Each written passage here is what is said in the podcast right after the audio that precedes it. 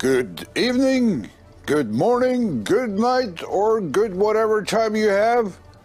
We're back with Document TV International, and as usual, we will call upon our good friend and uh, correspondent in New York. Hello, Charles. How are you? Hi, Geir. I'm doing well here in what's left of Manhattan, Stan. Yeah, I think you have some problems. Uh, Let's go right at it. I saw something about that uh, the price of insuring against U.S. debt default rises to 76.75, more expensive than Mexico, almost as expensive as Guatemala. Does that mean that you will uh, go south of the border to be safer, or what to read from this? Well, it's quite amazing. Uh, back in 2007, when I uh, studied GE and reached the conclusion that it might go bankrupt, U.S. government CDS, which is what they're talking about, credit default swaps, were offered on a basis of two to three basis points, now in comparison to 76 and a half. And I think that number is a semi-annual quote, at least it used to be, meaning that you would you'd have to pay twice that during a year. In contrast, GE was only 13 basis points in 2007 when I felt it was approaching bankruptcy. Uh, once I noted them and went after them, uh, at, at, the worst moment, GE's uh, credit default swaps were up at like 575 basis points or thereabouts until they went to what's called points up front, where you had to uh, put a lot of money up front. So for the U.S. Uh, uh, government debt, in theory, the strongest advanced nation, the deepest market in the world, to be trading at that indicated level is definitely cause for major concern. Rec- fully recognizing that that market can be influenced by, uh, among other things, our central bank and other central banks. So it's a sign of great danger, actually. Uh, I linked it immediately to a story that I found on MarketWatch that a former employee of uh, the feds in New York uh, stood by her uh, prediction that uh, the feds ought or will rise it will raise the interest rate to 8% this year. I can't remember her name. It was quite difficult. Uh, Dominique something. Uh, do you see a further rise in the uh, U.S. interest rate? Well, uh, if we intend to bring inflation under control in this country, then I do think that short-term interest rates have to rise. Uh, the government here, I think, has been manipulating the indicated uh, consumer price index, which, after all, is just an estimate and is easily gamed. There are all kinds of issues with the index. But ordinary people understand, and I understand when I go to the supermarket and I see the price of essentials going way, way up. Um, and of course, we have energy prices and maybe electricity prices soaring even higher than where they are today. 8% seems a low number for, for baseline inflation. That's on the one hand. On the other hand, we and other countries around the world have been operating in an environment where, where nominal inflation rates, I mean, interest rates have been more like one, two, three percent, if anything. And when you go from that level up to eight, uh, suddenly what you're talking about doing is crushing the ordinary consumer and and any over leveraged borrower. So it's a very dangerous tack to go down. Um, and I think we're between a rock and a hard place. It may be that what we have to do is allow long term inflation to exist at a higher level than we'd be comfortable with uh, as uh, as a compromise to avoid putting this nation into a depression by suddenly spiking interest rates. So it's it's certainly dangerous. Uh, speaking about depression, uh, Sweden and Finland just uh, released their figures for last year, and uh, both the economies contracted. And uh, this, of course, has to do with the main topic uh, on everybody's lips these days. Uh, I have to mention that the Norwegian chief of staff, the head of Norwegian army, today at the conference next to the Russian border said that uh, Putin has to go by all means. And he also voiced his uh, support for placing long range ballistic missiles in northern Norway, close to the border, border of Russia. Now, in, in a Norwegian context, that is utter madness. And uh, this is uh, so fresh from the media that uh, we haven't had time to, to see the comments, but it's unheard of. Norway's semi neutrality with, uh, within NATO and its good relationship with Russia over years have now totally uh, evaporated. Uh, right. And um, it's it's a collective madness going on.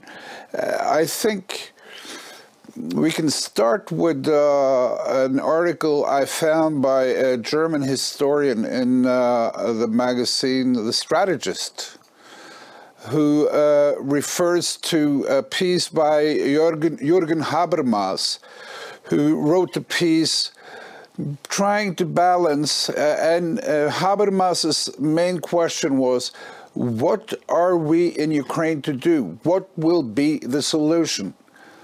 And if I uh, quote him correctly, Habermas thinks that it has to be come to a compromise. He says NATO, the West, cannot win. That's number one. So there has to be negotiations. That's number two. And I remember uh, whether it was last week or uh, two weeks ago, you and I, most likely you, uh, spoke about what is the end goal here. Yeah, I mean, if we think about basic principles of uh, national governance and international activities, uh, we, I believe, erected a system of nation states where, in theory, ra- nations had the right to self determination uh, after 1945. Uh, that said, the United States decided, and I think the history is now, the known history is there, that it was in, that we had a right to start intervening around the world in, in, in nations where we felt we had some sort of an interest and where we felt we knew better than the electorate about who should be in power. Uh, this has morphed into a dangerous concept espoused by Samantha Power of responsibility to protect that we, uh, sainted people in various rich countries around the world, have the ability and the obligation to go in and protect the interests of aggrieved populations in countries that are run by people we don't like. Mean, this is a very dangerous way of thinking even as America with 335 million people, when you consider that India and China have much larger populations, what if they started more aggressively to intervene in the US or Canada or Norway or elsewhere? And so uh, it'd be one thing, and I, am not one of these people who believe that the ends justify the means, but if those sorts could point to successes where uh, our interventions have, have not created power vac- vacuums, have not created messes much worse than conditions before we entered, it might be one thing, but we can't point to that.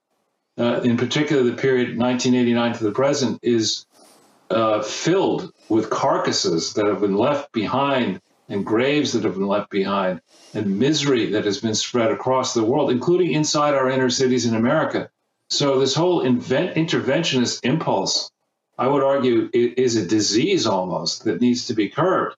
Before we start intervening, let's take care of our own vulnerable populations in Norway. Let the Norwegians take care of them and let the Americans take care of our aggrieved population. I don't think we have the bandwidth or the financial capability right now to continue down this path, let alone considering that we have a demented individual in the White House and an incompetent team of boobs working with him. That was an excellent introduction, Charles to your and Jason's last show this Sunday, you had a very special guest, and that is to the topic. So let's have a look at who you got online. A legend. We are honored to have an extremely important guest with us today. We are joined by the legendary Sy Hersh. Mr. Hersh, welcome to the show. Legendary means I'm half dead, but that's okay. I'll live with it.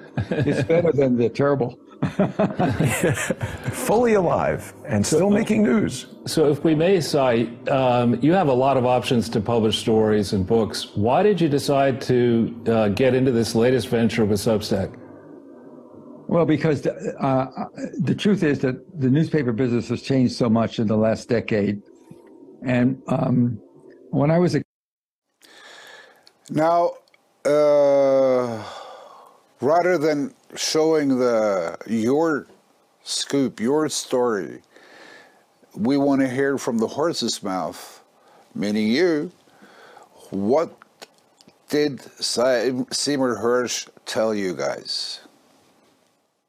Well, I, I think the most important thing about Sy, who's been uh, on the planet for 84 years and active in journalist for active as a journalist for I think 60 plus, is he's developed um, a, a reputation justifiably for working with whistleblowers who have identified actions taken by various governments that that do uh, maybe even illegal, but certainly do not seem to be consistent with, um, in our case, the U.S. Constitution, um, or generally involving our allies, the principle that we're defenders of freedom as opposed to aggressors and meddlers, possibly for personal and, and political benefit uh, around the world. And so he uh, has demonstrated over these decades that if you have an issue and you've got some information that should be shared with the public, even if it's classified, you can go to go to a Sy Hersh, he'll vet that information, and he'll let it out in the public domain responsibly, which I think is what he did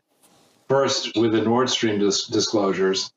But we picked up the ball with him after his, I think, third piece, where he was talking about uh, adventures that Norway uh, were, was engaged in with the United States prior to the United States actually uh, agreeing to pursue very actively military uh, conflict in, in, Vietnam and across Southeast Asia. And so he gifted us with almost an hour and a half of discussion and or an hour or so of discussion. And um, I think the, the big news out of all that he's saying is that he stands by his sources and he has much more to come. And here we are on the precipice. Um, his latest piece came out Wednesday. Uh, he was talking about how, like Kennedy, Biden feel may feel that, and Biden's team may feel that in order to be judged a quote great president, and I think the jury's out on that one uh, already, but in order, in theory, to be a great president, you have to be, as an American president, involved in some major war, whether internal, as in the case of Lincoln in the Civil War, or external, as in uh, Eisenhower and uh, before Eisenhower, uh, Roosevelt, uh, in in dread foreign wars. And I think that's a very dangerous way of thinking. Back when I was much younger, um, you would hear progressives and liberals talk about the dangers of a standing army, arguing that standing armies never stand still. And I think that's true. I mean, we have at this point, we though we're tapped out because we've been wasting so much money around the world and giving our weaponry away to the Afghan- Afghanis and perhaps from them to the Chinese. We spend almost a trillion dollars a year in our country on our military apparatus. And what do we have to show for it now? We have um, depleted stocks of weapons and ammunition. We have demoralized troops who are spending more time on diversity, equity, and inclusion crap, frankly. Uh, our military force is not about, it's not a societal adventure. It's a, it should be a killing machine that when we have to use it, our goal is to inflict maximum pain on the, on the declared enemy rather than uh, contemplating our naval, thinking about the kinds of malarkey that our, our leaders have in the military, uh, the people doing from, that, from day to day. So we're in a very dangerous mode and I think what Sy is trying to warn us about is this could get much worse. It could be uh, eventually pose an existential threat if we get to an exchange of nuclear weapons. So um, I think he's cautioning us against the death wish strategies. And you know those movies we have here, the death wish. Uh, the death wish strategies of the Biden and other allies. Uh, well, you mentioned your Norwegian person suggesting that now is a good time to try to remove Putin. On what basis does a Norwegian or an American politician have a say in who's the leader of Russia?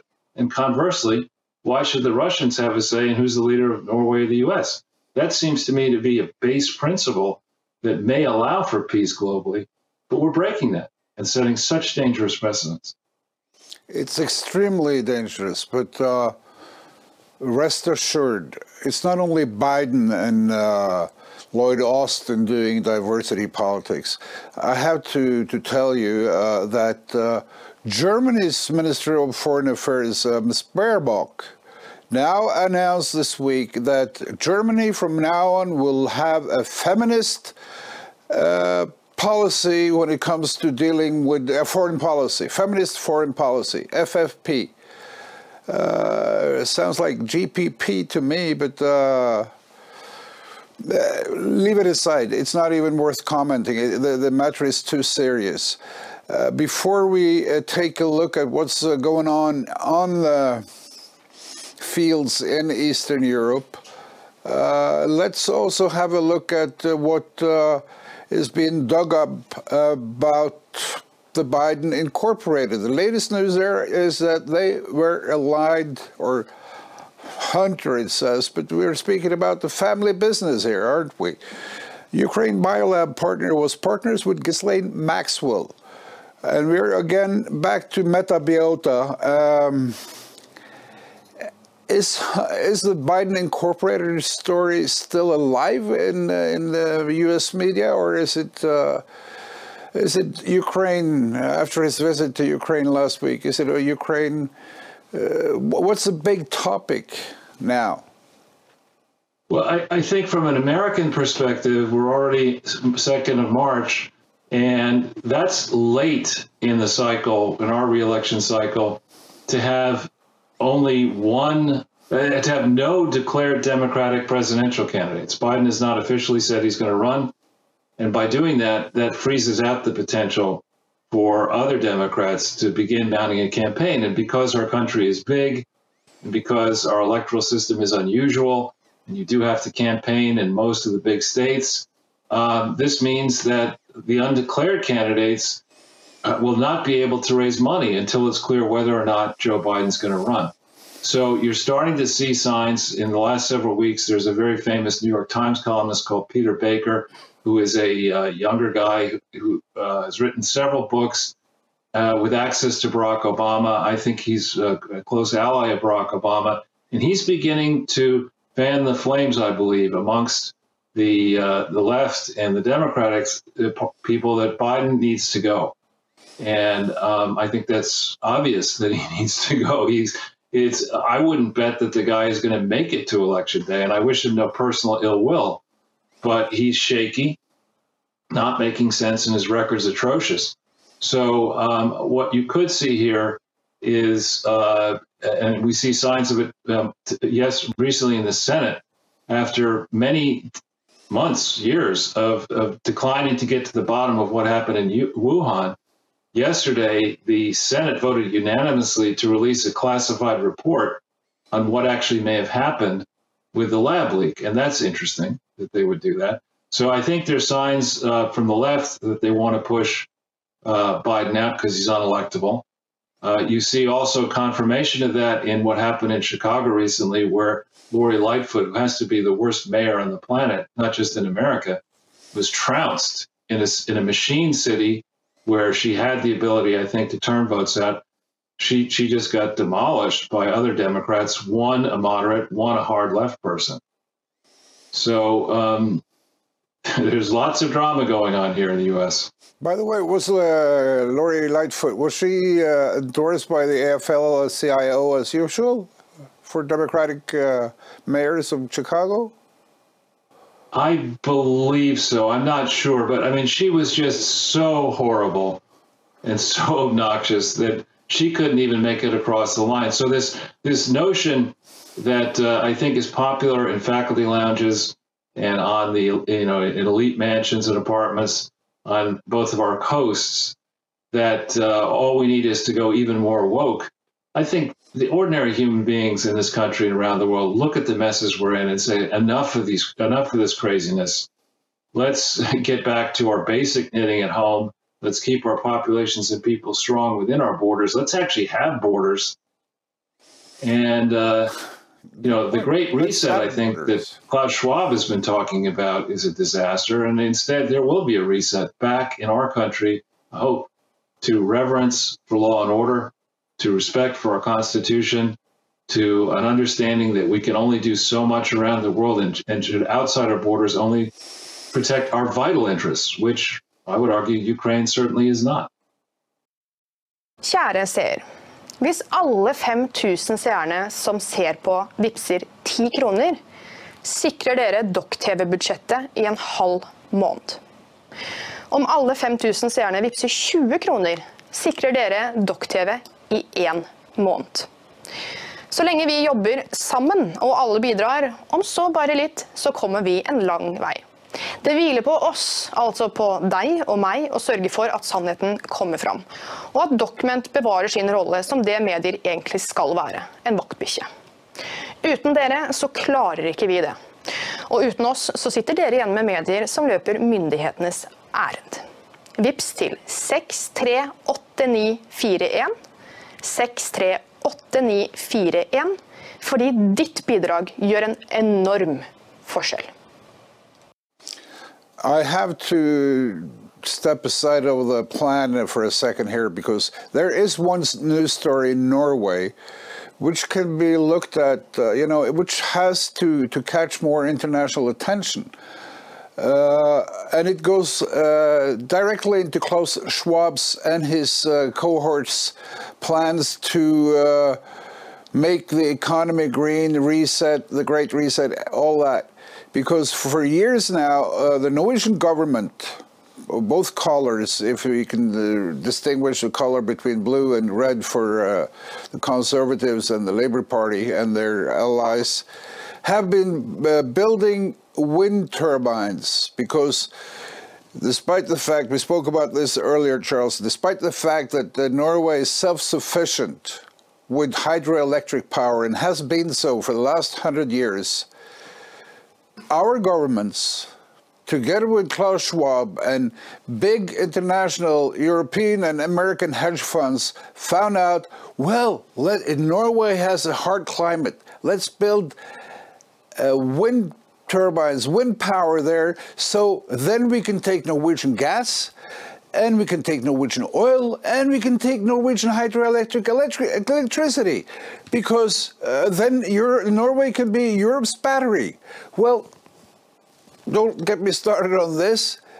It so happened that uh, about halfway up Norway, in the place called Fosen, which is not even halfway up uh, the long coast of Norway, uh, the government, led by the no, now NATO Secretary General Jens Stoltenberg, permitted uh, a group of investors to put up a bunch of wind turbines in the midst of an area where the Sami people have their tracking routes, trekking routes for their herds of reindeer. Now, they uh, filed a law or a, a court case, and lo and behold, the October 2021, they won in a unanimous uh, decision by the Norwegian Supreme Court. A year and a half later, the wind turbines are still there. And the last week, uh, Sami people have been uh, demonstrating in Oslo. They've been blockading various ministries. Police are trying to move them away. Greta Thunberg has been here supporting the Samis. And it's, uh, it's a huge thing going on because if the Norwegian government does not adhere to the Supreme Court, you know what happens. I mean, the Supreme, Supreme Court is the basis. You have the law, you know, the one, uh, the legislators.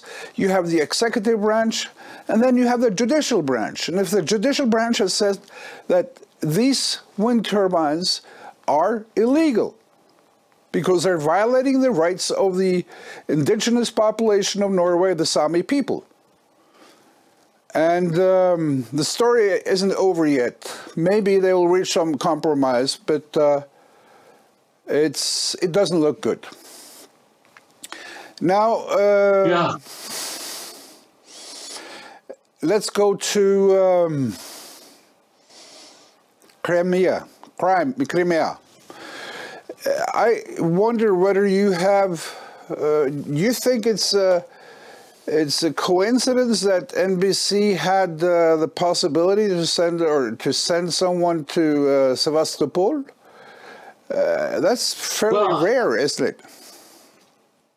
Yeah, it just seems like the whole, uh, you know, the narrative that was being sold to us as recently as two, three weeks ago that the United States and allies are in this for, quote, as long as it takes with whatever it takes, is now being adjusted. We were told, I think, send more money. And of course, we, we you and we obliged with, with, with more money being sent to, to Ukraine. And uh, we were told that the, the Ukrainian forces were valiant and we're going to win in Bakhmut and elsewhere. And now we're hearing Zelensky's going to retreat. The report here from NBC that, which I think is closer to accurate, that that uh, the people of Crimea do not want to go back and be part of Ukraine, and Russia's never going to relinquish them. Um, I think is obvious to anybody who's been studying Ukraine for lo these many years. You were the one, of course, who, who found this tweet uh, right before we went on uh, or into the studio. So let's have a look at the tweet and the reportage that they uh, included in that tweet. President Zelensky vowed on Sunday to take back Crimea. How realistic is that? It- the people there whom you spoke to view themselves as Russian. That's right. From those people that we spoke to, it seemed unrealistic. And Andrew, I want to show you some new picture that we uh, filmed yesterday at the port of Sevastopol. Now, this is the closest that any U.S. news crew has got to the Russian Black Sea fleet in many, many years. What you're seeing here are President Putin's ships at that port. Uh, why it's important is because uh, Vladimir Putin will be determined to defend to defend that port, to not have it uh, taken away from him. Uh, he may well do pretty much anything to try to achieve that, and and the reason why is because it is so strategically important to Russia. But here's the irony: uh, the fact since he launched that uh, invasion a year ago in Ukraine, the Ukrainians now will be determined not to have the Black Sea Fleet there, potentially threatening their uh, coast for years to come. So it is a, very, very dangerous standoff that suggests that this could pan out for some time to come. It's hard to see how you reach a negotiation over that. And there in Sevastopol, Andrew, I've got to tell you, I mean, there was just military everywhere, absolutely everywhere. Uh, it is a military town. So again, when, for example, Victoria, Victoria Nuland talks about, at the very least, we want Crimea to be demilitarized, I found myself standing there and wondering, how on earth does that happen? on earth does that happen? It doesn't happen with the with the belligerent statements of all European leaders. There's not one single olive branch anywhere, and and uh, Europe has the last week, last weekend saw a lot of anti-war demonstrations in France, in Italy, in Germany. The peace manifesto of Germany has. Uh, had uh, last week and received more than 700,000 uh, signatures. In Norway, it's very quiet. Uh, every political party represented in parliament is firmly placed in the war camp.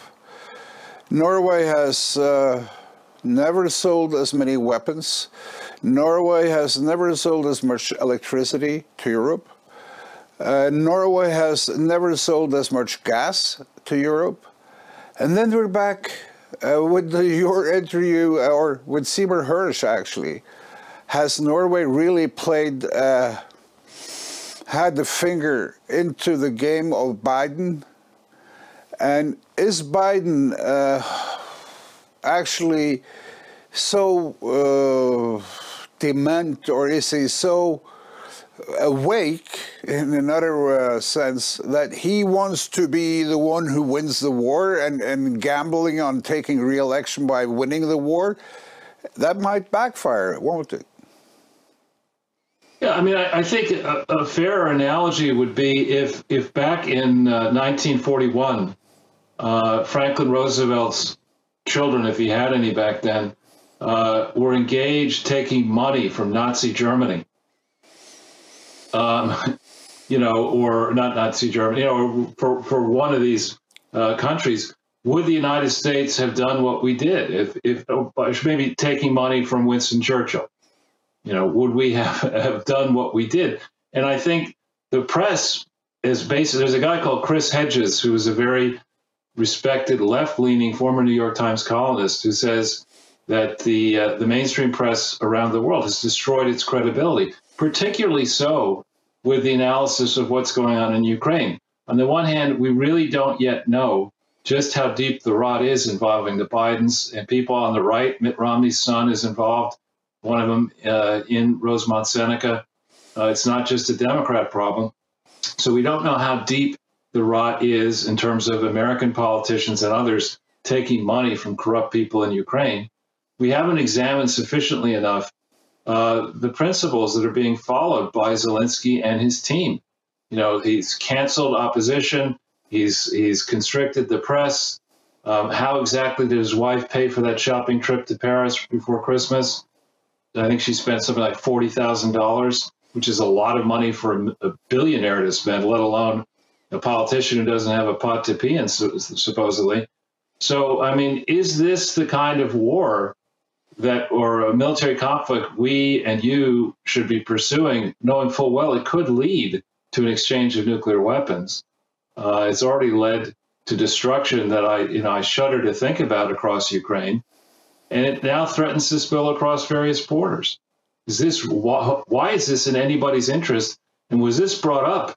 This idea that we would have this kind of a war in the election of 2020? I don't think it was. I don't think anybody in the United States voted for military conflict with Russia. Uh, nobody in Norway voted for it, uh, that's for sure. Uh, but I think uh, when it comes to Norway, I think the Norwegian politicians and the, even the Norwegian security establishment was uh, sleeping. And they were, uh, because the war, even Jens Stoltenberg admitted as much, started in 2014. Now, they made the half baked Minsk agreement, uh, which uh, brought them nowhere. There were no more rights to the Russian speaking population of Lugansk and Donetsk, etc. Uh, there were no movements. So, how long did they think that this could go on? Now, we've been speaking about the Nord Stream 2 uh, demolition uh, before. Uh, I know that CIA former analyst analyst uh, Jim Rickards is saying that uh, and we that this was uh, the U.S. getting back at Germany, making sure that Germany could not make a deal with Russia as it did in in with the Ribbentrop Pact in in '39 uh, it's no need for us to go that deep into uh, the politics, but another uh, former uh, senior ranking member of the U.S. military, Colonel Macgregor, uh, I forgot his uh, first name. Douglas. Douglas was on redact, redacted yesterday, and uh, I have a clip, which, uh, of course, is going to be controversial to some, but uh, let's see what he told uh, Redacted. May we have the the Inspector General for the Afghan War, uh, John uh, Sopko, just just coming out and saying that the American-made weapons falling into the wrong hands. We don't we can't track any of these weapons. They're falling into all sort and now we have the admission that the Russians have captured American weapons. That's another big piece of the story we wanted to ask you about today. So the Inspector General for the Afghan war saying we're, we're literally on the precipice of seeing another disaster like we saw in Afghanistan. I guess that's going to be on Biden's resume. Well, I think I think that's probably inevitable uh, because the Russians will win this. They will do whatever it takes. We will not. We have no vital strategic interest in Ukraine, and certainly not in eastern Ukraine, never really did. Uh, and no one in Europe wants to march east to Moscow to end the war. Remember that Zelensky and his defense minister made a comment the other day that uh, this war will end with Ukrainian tanks in Red Square. Well, that's absurd. It's never going to happen. So I, I think I think we just have to understand that this is a desperate situation. The Ukrainian government is very weak. It's held in power by uh, you know these neo-Nazi radicals that threaten to murder anyone who threatens them. Uh, they're they're killing soldiers that, that leave the front that, that try to escape. They're filling the ranks with old men, women, uh, you know, young boys. This, this is insanity. That's where we are. How long can this last? Well, that's up to the Russians because the only way the Russians can put an end to this is to sweep north out of the south, to come down out of the north from Belarusia, surround Kiev, and make it clear that they're through. That's what the Russians ultimately have to do. If they if they don't do that, this thing will just drag on. We'll continue to send things, and they'll continue to kill Ukrainians until there are almost none left. And remember that all the Ukrainian refugees that you talk to in, in Western Europe, there are perhaps eight or nine million of them. There are another two million inside Russia. They all say the same thing: We'll never go back. So they're not coming back. So the, the population has dropped from about 37.4 down to somewhere between 18 and 22 million. Ukraine is dead as a nation state, in my judgment. It's already dead. 40% of its uh, cities, infrastructure is destroyed. All of its industrial base, everything that is of any real value in Ukraine, the Russians are sitting on.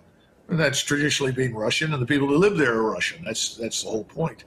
So I don't I don't know where Ukraine goes from here, other than what you just heard. And remember, every small state knows that if it wants to win, it can only win if it can drag in somebody bigger to win it for them. Uh, that's absolutely correct. A war can only be won if you drag someone bigger than you into onto your side and win it for them. It happened with the U.S. in, after World War One. It happened with uh, the U.S. when they uh, listened to Churchill's appeals and joined the Allied side in World War II. What now? I mean, I can guarantee you, you won't find a whole lot of volunteer uh, volunteers from Norway going to fight for the U.S. in Ukraine.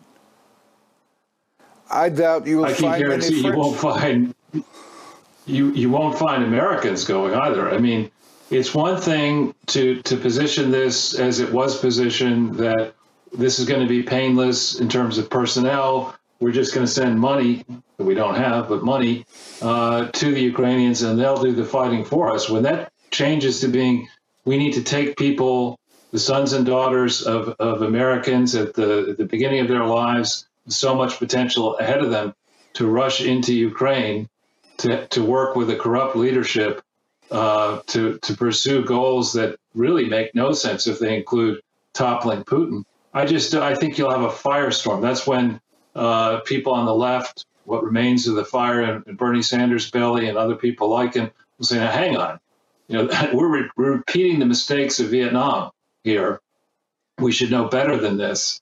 And I, it's, it's just I think a third rail here in America to, to suggest that we're going to actually send troops in size into Ukraine. And I think the Russians know that. They, on the other hand, uh, even with all their troubles, their supply lines are closer, uh, their vital interests are much more obvious.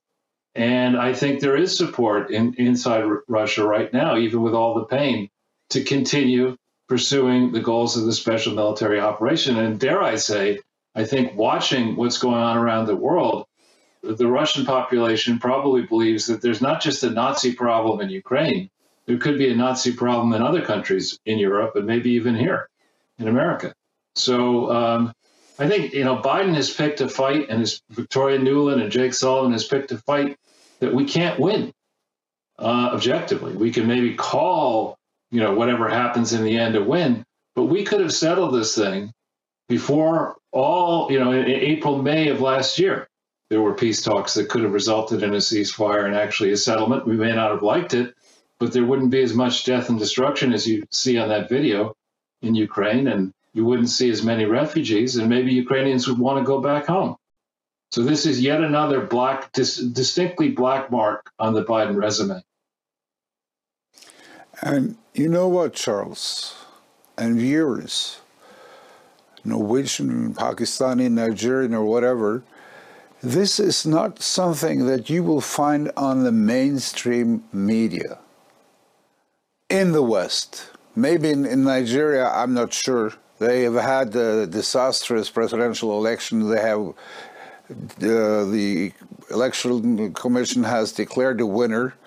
He used to be a heroin dealer for uh, gangs in Chicago in the 90s. But leave that aside. Uh, you guys need independent news, not news paid for by interest, you know, uh, whether it be the deep state or the deep state's financiers and the men behind the military industrial complex. We've been accused of being Putinists, uh, Charles, which is, uh, you know, ridiculous. Uh, but uh, and it doesn't make an impact on me. I mean, I'm scared. I have children. I have grandchildren. I want them to have a rich life, a good life in my country. I think that's a fair wish. But with uh, statements like uh, Zelensky and his defense minister, you know, Ukrainian tanks in, in Kremlin at the Red Square, I mean, and our chief of staff saying that we need uh, long range ballistic missiles here. Then I'm going to include, of course, the link to the la- latest uh, piece by Seymour Hersh, where it's very interesting, where he makes this comparison uh, between JFK and, and Joe Biden. Uh, and uh, I guess all we can do is uh, continue to watch independent news, support independent news, whether it's your channel with Jason, whether it's our channel. There will be a QR code on this, uh, so you can support us. We have document at uh, or PayPal at document.no. You have your uh, channels.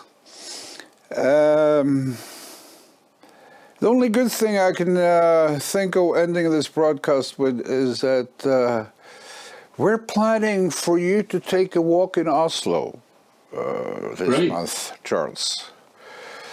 Uh, hopefully, you will have as nice weather as we've had today. Uh, probably be a bit warmer, but I think we maybe dipped into double digits uh, Celsius uh, plus today. Uh, and Oslo is, um, despite its uh, shortcomings, if the weather is nice, we got a harbor, etc. And um, I look forward to having you. But before that, next Thursday, I hope to have you back. Thank you for uh, good, sharing your thoughts with us, Charles. As always, it's great. Thank you. Thank you.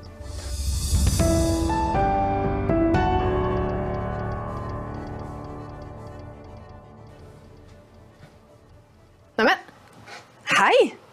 Har du også antistatlige holdninger? Ja, da har du kommet til rett sted. Da er Dokk-TV noe for deg. Men for at vi skal kunne lage Dokk-TV, så er vi avhengig av din støtte. Vips et bidrag til 63 89 41. Takk. Husk å vips, ellers så kommer klimatrollet og tar deg! Og jorden går under.